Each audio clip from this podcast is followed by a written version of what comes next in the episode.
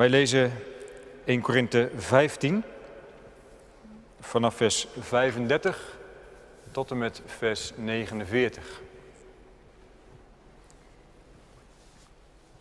1 Korinthe 15 vanaf vers 35 tot en met vers 49. Daar luidt het heilige woord van God als volgt. Nu zou iemand kunnen vragen, maar hoe worden de doden opgewekt? Hoe zou hun lichaam eruit moeten zien? Dwaas die u bent. Als u iets zaait, moet dat eerst sterven voordat het tot leven kan komen. En wat u zaait, heeft nog niet de vorm die het later krijgt. Het is nog maar een naakte korrel. Een graankorrel misschien, of iets anders. God geeft haar aan de vorm die hij heeft vastgesteld. En hij geeft elke zaadkorrel zijn eigen vorm. Elk aards lichaam is anders. Het lichaam van een mens is enig in zijn soort. Dat van een dier eveneens, dat van een vogel ook en ook dat van een vis. Er zijn lichamen aan de hemel en lichamen op aarde. Maar de schittering van een hemellichaam is anders dan die van een aardslichaam. De zon heeft een andere schittering dan de maan, de maan weer een andere dan de sterren. En de sterren onderling verschillen ook in schittering. Zo zal het ook zijn wanneer de doden opstaan. Wat in vergankelijke vorm wordt gezaaid, wordt in onvergankelijke vorm opgewekt. Wat onaanzienlijk en zwak is, wanneer het wordt gezaaid, wordt met schittering en kracht opgewekt. Er wordt een aardslichaam gezaaid, maar een geestelijk lichaam opgewekt. Wanneer er een aardslichaam is, is er ook een geestelijk lichaam. Zo staat er ook geschreven. De eerste mens Adam werd een levend aards wezen, maar de laatste Adam werd een levendmakende geest. Niet het geestelijke is er als eerste, maar het aardse. Pas daarna komt het geestelijke. De eerste mens kwam uit de aarde voort en was stoffelijk. De tweede mens is hemels. Ieder stoffelijk mens is als de eerste mens. Ieder hemelsmens is als de tweede. Zoals we nu de gestalte van de stoffelijke mens hebben, zo zullen we straks de gestalte van de hemelse mens hebben. Dit is het woord van God, het evangelie voor deze morgen. Zalig wie het hoort, het overdenkt en het bewaart in haar of zijn hart. Ik wil met u eh, inzoomen vanmorgen op die versen die ehm, gaan over dat beeld van die graankorrel. Vers 36, vers 37 en vers 38. Ik lees ze nog een keer uit 1 Korinthe 15. Dwaas die u bent, als u iets zaait, moet dat eerst sterven voordat het tot leven kan komen. En wat u zaait, heeft nog niet de vorm die het later krijgt. Het is nog maar een naakte korrel, een graankorrel misschien, of iets anders. God geeft daaraan de vorm die hij heeft vastgesteld. En hij geeft elke zaadkorrel zijn eigen vorm. Gemeente van Christus, Quasimodo geniti, zo heet deze zondag. Als iemand nou denkt, ik ken dat woord Quasimodo, dat is niet zo gek.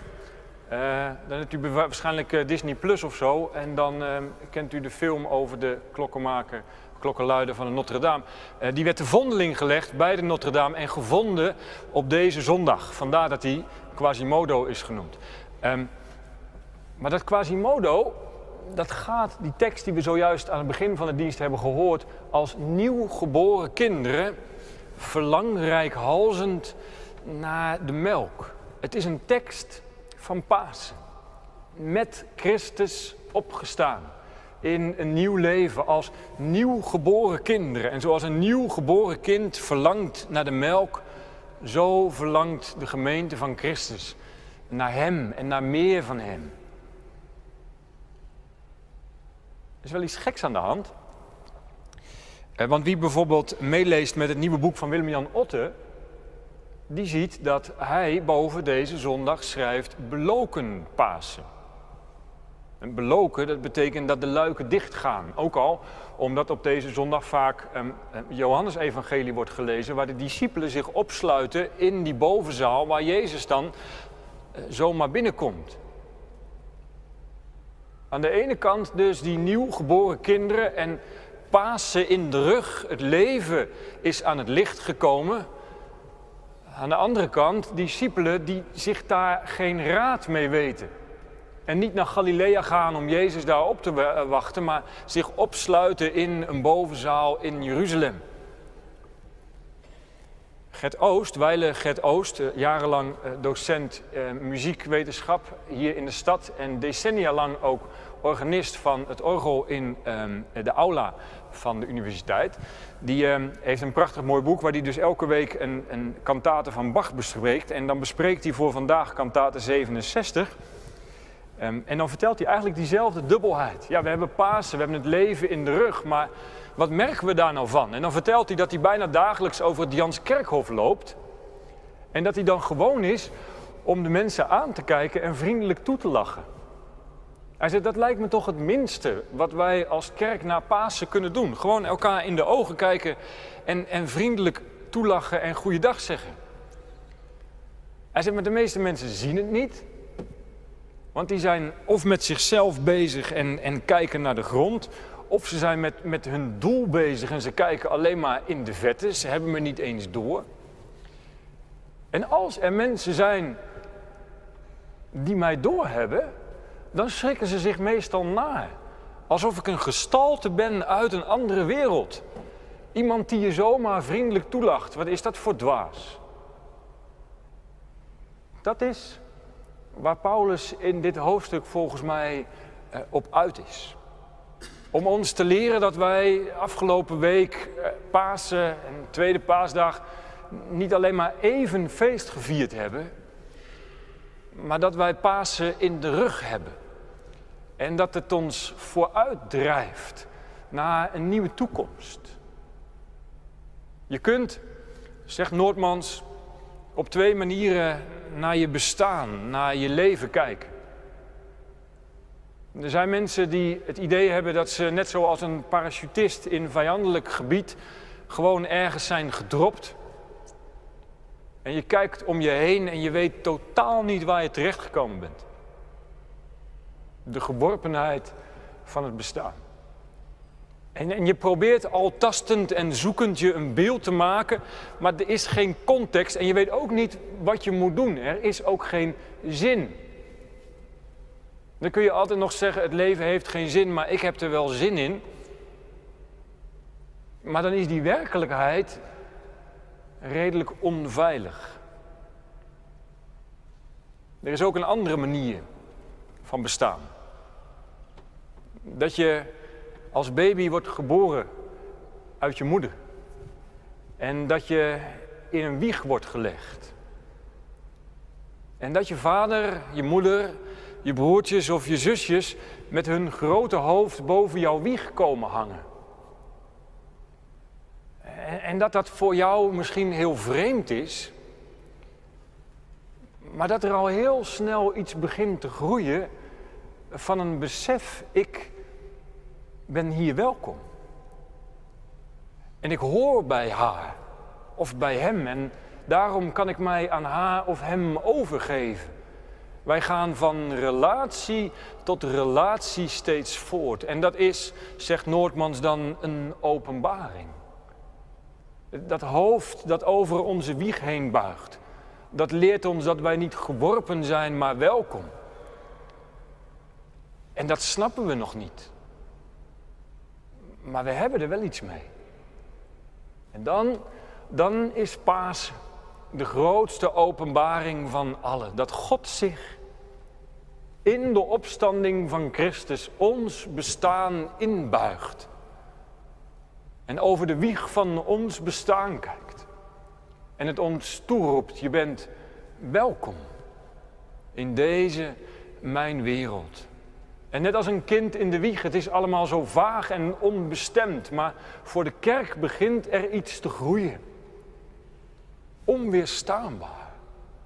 Dat ik maar niet geworpen ben in deze wereld, maar gewenst. En dat leert mij dan over dit leven iets heel dubbelzinnigs. Dat dubbelzinnige van dat zaad.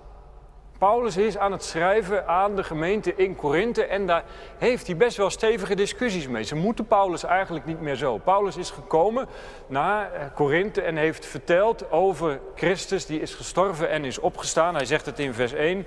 Broeders en zusters, ik herinner u aan het evangelie dat ik u verkondigd heb, dat, ik u, ook heb, dat u ook hebt aangenomen dat uw fundament is. Het belangrijkste dat ik u heb doorgegeven, dat Christus voor onze zonde is gestorven, zoals in de schriften staat. Dat hij is begraven en op de derde dag is opgewekt, zoals in de schriften staat. Jezus is gestorven en opgewekt. Dat heb ik je verteld. Dat is de basis van je bestaan geworden.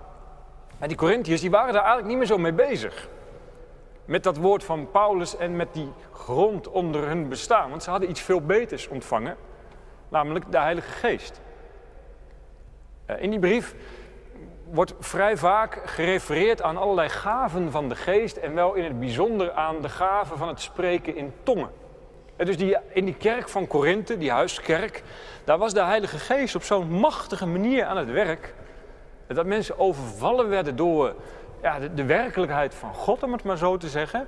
En, en begonnen te spreken in, in allerlei vreemde talen, ook in vreemde klanken. En je krijgt de indruk, kijk het is, het is altijd ingewikkeld, want we weten niet precies wat er is. Dus we moeten uit die brief afleiden wat daar dan speelt. Uh, maar we krijgen de indruk dat mensen ervan overtuigd waren dat zij door dat werk van de Heilige Geest al een, een compleet nieuwe werkelijkheid waren binnengestapt. 1 Korinthe 13 is natuurlijk een heel beroemd hoofdstuk, het hoofdstuk over de liefde. Dat begint Paulus met de woorden, al sprak ik de talen van de engelen. En het lijkt erop alsof hij daarmee iets citeert van die mensen in Korinthe. Dat, dat je dus overvallen wordt door de Heilige Geest, door de liefde van God, door het geloof, weet ik veel, hoe je het noemen wil. En, en, en dat je daar zo vol van bent dat dat naar buiten barst. Dat had bij die gemeente van Korinthe ook de overtuiging gewekt, maar dat, dat betekent dan ook dat wij eigenlijk gelijk zijn aan de engelen in de hemel. Onze manier van bestaan lijkt op die van de engelen. En ja, Jezus opgestaan uit de dood, nou ja, good for you, dat is fijn voor Jezus, maar wij hebben er eigenlijk niet zoveel mee te maken. Wij leven nu al op het niveau van de engelen en waarschijnlijk komt Jezus binnenkort terug. Dus ja, het, het hele aardse bestaan, dat is niet zo heel belangrijk. En daar zit dan weer die dubbelheid in die er ook in onze tijd vaak in zit. Want ehm, ook wij uh, onderschatten ons lichaam nogal eens. dan, dan, dan werk je maar door en je gaat maar door omdat je het gevoel hebt dat je lichaam een soort machine is die, die gewoon een prestatie moet leveren. En je gaat net zo lang door tot je compleet opgebrand bent. Dus ons lichaam waarderen we aan de ene kant heel laag. En aan de andere kant hebben we een cultus die redelijk gericht is op um, um, dat je er gezond uitziet, dat je er mooi uitziet. Dat is een beetje het, het, dubbele. En dat zit ook in die tijd. Dat lichaam, ja, wat moet je ermee als je in de geest en in de Heer bent? Als je het idee hebt eh, dat het hele sterven niet zo'n grote rol meer speelt. En, en dan zegt Paulus aan de andere kant, maar jullie zijn wel heel erg bezig met dat lichaam, heb ik het gevoel. Want er is bij jullie in de kerk iemand die gaat naar bed met zijn eigen moeder. Althans, met de vrouw van zijn vader. Dus waarschijnlijk de tweede vrouw van zijn vader. Niet zijn eigen moeder, maar zijn stiefmoeder. Dus, dus ja, op het moment dat je dus het lichaam niet meer zo belangrijk vindt, dan kun je er ook alles mee doen wat je wil. En dan zegt Paulus, ik wil toch even met jullie naar de opstanding. Want als Jezus is opgestaan, dan staan wij ook op. Dat Jezus is opgestaan uit de dood betekent aan de ene kant een enorme waardering van het lichaam. Je kunt dus niet zomaar zeggen, ja, we zijn in de geest. En ik heb op aarde zoveel meegemaakt. En, en, en, en, dat lichaam van mij, dat stelt ook niet zoveel voor. Ik ben nu blij dat ik in de kerk ben en even boven mijn wekelijkse bestaan wordt uitgeteeld. En ik heb het gevoel dat ik op die manier ook steeds dichter bij God terechtkom. En Paulus zegt, maar waarom is Jezus dan met een lichaam opgestaan? Blijkbaar vond God dat lichaam van Jezus zo belangrijk dat hij hem als mens deed opstaan. God heeft ons geschapen met een lichaam, met een lijf. En zo, de eerste versies van de catechismus, ehm, eh, die hebben dat ook. Aan het begin. Wat is nou je troost? Dat ik met lijf en ziel niet van mijzelf, maar van mijn trouwe zaligmaker Jezus Christus ben. Dat lijf van ons, dat doet er toe. En dat betekent dat dit aardse bestaan dus om aandacht vraagt, want het is het bestaan dat door God gewild is. We hadden niet hoeven bestaan, we bestaan omdat God ervoor heeft gekozen om ons geboren te laten worden.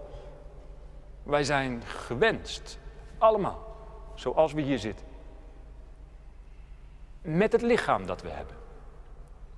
Dat is één. En waar je dus in Korinthe zeg maar, die, die, die, die spiritualisering ziet. Als, als we nou maar. En dat zit. Dat, wij leven toch ook een heel druk leven. En, en je krijgt je, je lichaam en je krijgt deze wereld niet zoals je hem hebben wil. Dus het is niet zo gek dat je momenten in je leven wilt waar je dat even los kunt laten.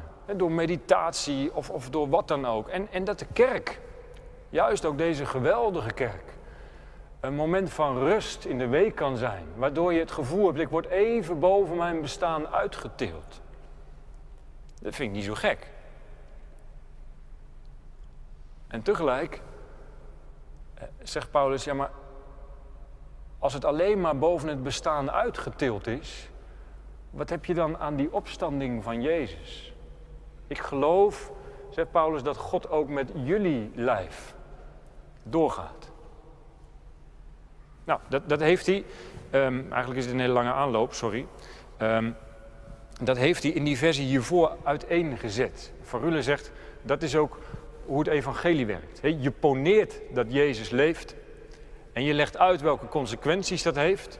En aan het eind ga je dan ook nog eventueel in op argumenten voor en tegen. Nou, dat is vanaf vers 35. Dan begint Paulus als het ware te redeneren. Dan heeft hij het evangelie neergezet. Daar leven we van als gemeente. En het evangelie dat God zegt, ik kijk in Christus, in zijn lijden en sterven en opstaan, jullie leven in. En je mag geloven dat je gewenst bent. Maar dat betekent niet dat daarmee dan alle vragen zijn opgelost. En dat je in de kerk heel hard roept, geloof het nou maar. Nee. Het geloof gaat wel boven ons verstand uit. Maar het gaat niet tegen ons verstand in. En daarom mogen we al die vragen die daar dan bij boven komen ook gewoon stellen. En dus gaat Paulus in gesprek met die Corinthiërs die misschien tegen hem zouden zeggen: Ja, ja, maar ik heb dus wel mensen begraven of verbrand. Dat gebeurde vaker natuurlijk in die tijd. En, en, en uh, ik kan mij daar dus totaal geen voorstelling bij maken. Dat iemand dan weer opstaat. Nou, dat vind ik een goede vraag. Paulus niet. Heb je dat gelezen? Eh, vers 35. Nu zou iemand kunnen vragen, maar hoe worden de doden opgewekt? Hoe zou hun lichaam daaruit moeten zien? En dan gaat hij echt vol op het orgel. Dwaas die u bent. Wij vinden het een stomme vraag. Want je ziet toch voor je hoe dat werkt? Als u iets zaait, moet dat eerst sterven voordat het tot leven kan komen. Ik vond het nog niet zo'n gekke vraag. Maar goed, ehm, dat beeld, ehm, dat verheldert natuurlijk wel iets. Paulus zegt, als jullie nou aan het werk gaan en, je doet um, een, een buidel om met daarin het saaigoed, dan doe je daar een greep in. En, en je strooit dat uit. Als er iemand naar je toe komt en zegt, ho, ho, ho, ho, ho, heb je wel eens goed gekeken naar, naar die mooie korreltjes? Zou je die nou niet bewaren? Wat ga je er nou mee doen? Je gooit ze op de grond en je ziet er niks meer van. Het gaat allemaal dood. Nou, ik denk dat je dan als boer zal zeggen: wat is dit nou voor een rare vraag? Want ik gooi dat op de grond, zodat er over een paar maanden iets geweldig moois uit kan groeien. Nog veel mooier dan die korrel die ik nou net heb gezaaid. Dat is het idee. En als je dan vol blijft houden en zegt: ja, maar het gaat toch dood? Je, het gaat in die aarde en je ziet er niks meer van. En dan zal die boer zeggen: ja, het gaat dood.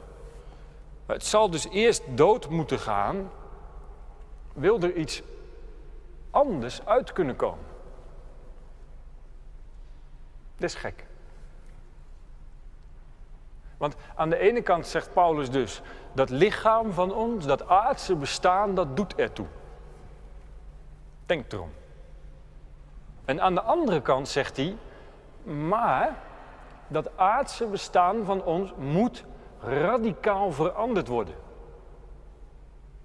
Maar die gemeente in Korinthe het idee heeft, ja maar als de geest nou mijn aardse bestaan binnenkomt en het heiligt en het zuivert, dan gaat er iets geweldig moois bloeien. het, is, het, is een kwestie van, um, je hebt goud en dat goud dat zit in, in, ergens in en, en je moet even dat gesteente eruit halen en, en dan, dan hou je mooi goud over. En dan zegt Paulus, nou, dat, als ik nou naar de opstanding kijk, dan heb ik het gevoel dat het anders werkt. Dat het niet maar een kwestie is van, op zich ben jij best oké, maar er moet nog wel het een en ander aan geschaafd worden. Nee, kijk nou gewoon naar die graankorrel. Die gooi je in de grond, in het geloof en in de hoop dat er iets heel anders, iets heel moois uitkomt. En er zit dus aan de ene kant die continuïteit, dus genetisch gezien is er een overeenkomst tussen dat zaad. Misschien zijn nu domme dingen, maar ik ben geen boer en ook geen geneticus. Maar er zit dus een overeenkomst tussen dat zaad en dat koren wat eruit groeit. Dat is één en hetzelfde. God gaat met ons leven, met ons lijf aan de gang. En tegelijk zit er een enorme discontinuïteit. Want er, er is, als je er naar kijkt, geen enkele overeenstemming tussen dat korreltje wat je de grond in stopt en wat er dan door de dood heen aan graan weer uitkomt. Dus, gemeente van Korinthe, en dat vind ik dan ook aan ons best wel een heftige boodschap. Um, of Jezus nou terugkomt voordat je sterft, of dat je sterft en begraven moet worden. God heeft best nog wel heel veel nodig om van jou de mens te maken die hij had bedoeld. Dus, dus ons bestaan is zo meegezogen in het onrecht, in het kwaad, in de zonde, in de schuld, eh, dat dat niet maar met één vingerknip eh, weer recht is. Op het moment dat we de zonde uit ons leven halen, dan blijven wij onszelf. Want de zonde is erbij gekomen, dus die kan er ook weer af. Maar die zonde die heeft zo diep ingegrepen in ons bestaan. Het kwaad zit zo diep in onze wereld. Dat de radicaliteit van de opstanding ongekend is. Je, ziet dat. Ergens proberen de evangelisten dat, dat, dat woorden te geven aan die in die verschijningen van Jezus. Hè. Dan zien ze Jezus en dan denken ze dat het een spook is. Dus ze zien hem, ze herkennen iets en tegelijk is het heel raar. En dan zegt Jezus, geef me nou iets te eten. Want een spook heeft geen spijsverteringsstelsel. En, dus ik ben mens. En tegelijk komt Jezus dwars door die deuren heen. En dat, dat kan een mens dan weer niet.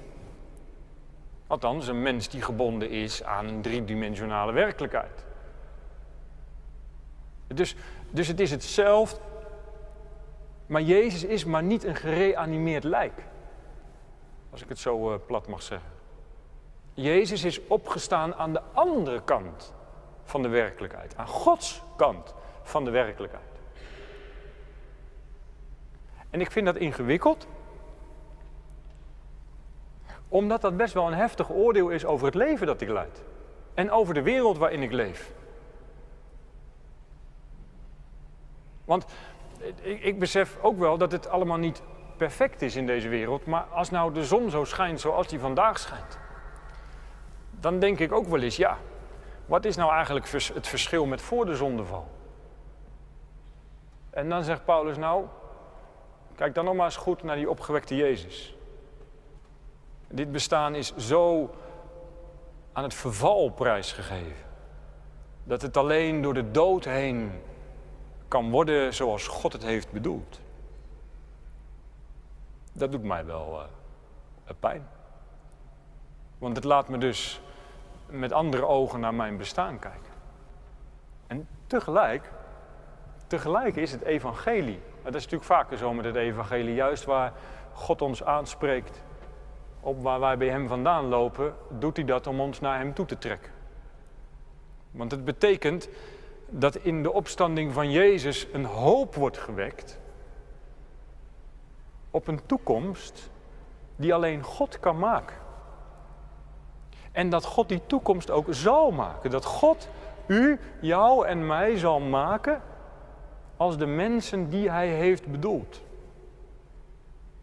Die dubbelheid. Dat, dat, dat graan, dat heeft weinig te zeggen. Het wordt gewoon gestrooid. Maar als het zich overgeeft aan die hand van die boer, dan mag het geloven dat het gaat groeien.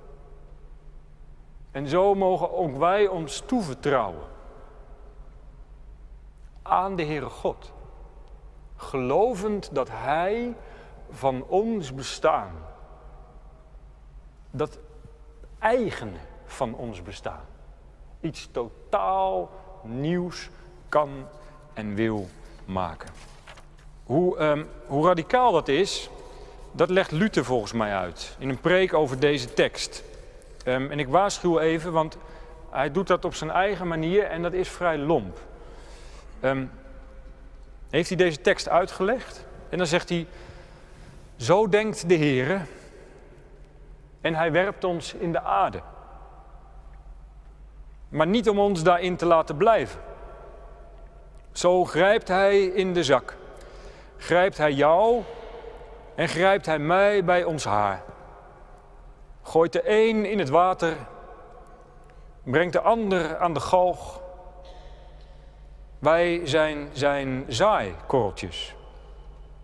Wanneer hij mij vandaag of morgen grijpt, dan ga ik heen zoals degenen die voor mij waren en na mij zullen komen. Voor mij is het alsof ik in de aarde zal moeten bederven. Maar God denkt niet zo. Hij gooit zijn korreltjes in de aarde om ze er in de zomer weer uit te laten komen. Mij stoort vooral dat zinnetje, hij gooit de een in het water, brengt de ander aan de galg. Maar als ik dan weer bedenk hoe twee van de zes kinderen van Luther sterven en hoe diep verdrietig hij daar zijn hele leven over blijft, dan denk ik, dit is maar niet alleen lompigheid. Dit is het zoeken van een man die wist van mensen en kinderen om hem heen, die, die hem ontvielen, die wist van de sterfelijkheid van het bestaan en dan, en dan zoekt en zegt, ja, ik ben dat graankorreltje. Als ik word geworpen in de aarde, dan snap ik niet waarom. Maar mij wordt in het woord van God het perspectief van de boer aangereikt. Die boer die zaait met de vaste hoop dat dat korreltje in het voorjaar, in de zomer, iets veel mooiers wordt. Ik snap niet waarom ik sterf, of een ander, of mijn kind. Maar als ik dan Gods perspectief zie, dan is niet mijn eerste vraag, oh God, waarom? Maar ik kijk naar een boer die een greep doet in die tas en het zaad uitwerpt. Hij doet dat omdat hij iets van mijn sterven verwacht. Hij doet dat omdat hij door de dood heen iets anders van me maken gaat. Hij doet dat omdat hij niets liever wil dan dat ik als zijn kind altijd bij hem ben. En dat, dat is volgens mij dan wel weer een enorme troost. Aan de ene kant dus alles uit handen geven en tegelijk veilig in de handen van die grote God. Dan worden wij dus zaai goed. En, zegt Luther erachteraan, dan gaan we dus ook anders naar de dood en naar een begraafplaats kijken. Nog één keer citaat. Hij noemt ons korrels die in de akker worden gegooid. Omdat hij wil dat wij van het kerkhof zullen zeggen: hier ligt een handvol korrels. Namelijk korreltjes van God, die hij heeft gezaaid en uitgestrooid. Wij moeten denken: hier liggen louter korreltjes. Hier zal hij ze op de jongste dag weer in de zomerzon laten opkomen. Ook al kan geen van de korreltjes die nu in de aarde worden gelegd zich nog voorstellen dat er ooit zo'n mooie halm met mooie blaadjes, scheuten en aren uit hem zal worden. De boer denkt, Hier gooi ik een korreltje in de aarde. Het heeft stro nog halm. En wij denken, deze mens is dood. Wij zien het niet als Gods akkerveld en zaaigoed, maar als gestorven en vergaan. Maar voor God is hij gezaaid. Ja. Misschien denk je vanmiddag, waar zal ik nou een rondje gaan lopen? En misschien ga je dan gewoon naar Daalwijk of naar Tolsteeg. En kijk je met de ogen van God naar zo'n begraafplaats. En zegt, dit is niet dood en vergaan, dit is de akker van God. En straks, straks zal het koren hier bloeien. Zullen hier mensen opstaan, zoals God ze heeft bedoeld. En als ik hier word gezaaid, dan is het niet over en voorbij. Dan word ik geen engeltje in de hemel, maar dan wacht ik. Met mijn lijf. Dat lijf dat vergaat. En tot God tot mij spreekt. En ik leef in zijn werkelijkheid. Nou kan dit natuurlijk heel bizar klinken, denk ik. die opstanding uit de dood. Helemaal als je gewoon rationeel denkt en kijkt naar een overledene. Maar zou je dan van de weeromstuit moeten kiezen voor die visie op de werkelijkheid, dat je hier maar gewoon neergegooid bent en het maar moet uitzoeken? Dat je je eigen zin moet maken? Kom, zoek eens diep in je hart. Zitten daar geen verlangens? Zitten daar geen wensen? die veel meer passen bij dat andere. Die God, die zich over je leven heen buigt. En je aankijkt. En zegt, ik wil dat jij mijn mens bent. Nee, sterker nog, die in Jezus zegt, jij bent mijn mens. En het wordt, ondanks al het kwaad, ondanks alles wat in jouw leven misgaat, Ondanks die systemen in deze wereld waar je moedeloos en boos van wordt. Uiteindelijk zal het leven ook in jouw lijf overwinnen. Wij zijn het saaigoed van de Heere God. Amen.